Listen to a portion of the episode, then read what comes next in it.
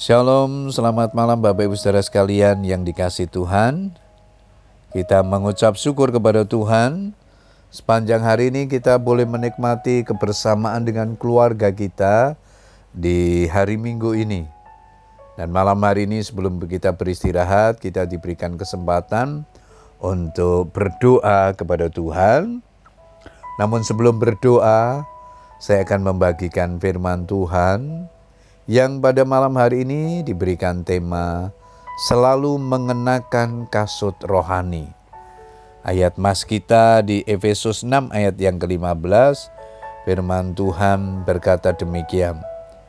Kakimu berkasutkan kerelaan untuk memberitakan Injil damai sejahtera.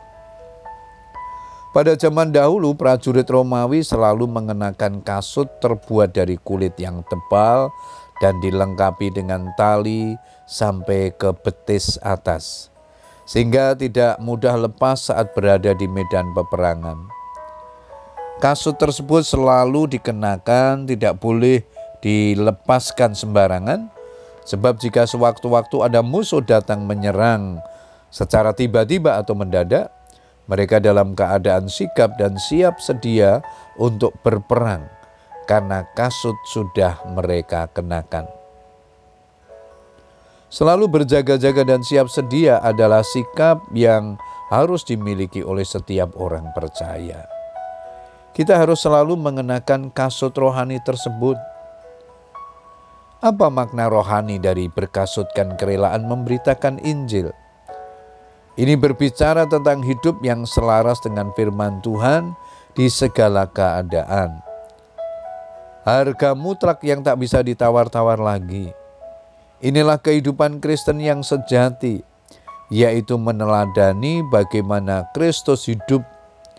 Barang siapa mengatakan bahwa ia ada di dalam dia, ia wajib hidup sama seperti Kristus telah hidup.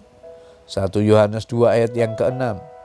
Dalam keadaan apa pun, situasi apa saja, di mana saja dan kapan pun, kita harus selalu mengenakan kasut yaitu firman Tuhan sebagai dasar untuk kita melangkah dan bertindak. Penting sekali kita membangun rumah rohani kita di atas kebenaran firman Tuhan dan berakar kuat di dalam firman-Nya.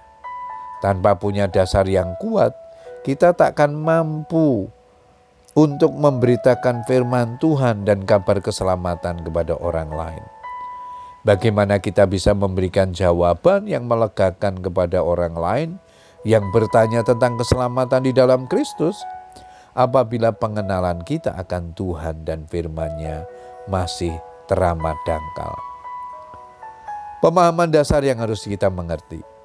Satu-satunya jalan menuju kepada keselamatan kekal hanyalah di dalam Tuhan Yesus.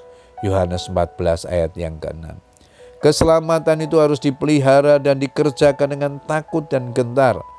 Filipi 2 ayat yang ke-12 dan setiap kita harus mematuhi panggilan Tuhan untuk menjadi saksinya memberitakan Injil, memberitakan kabar baik kepada dunia yang belum mengenal Tuhan.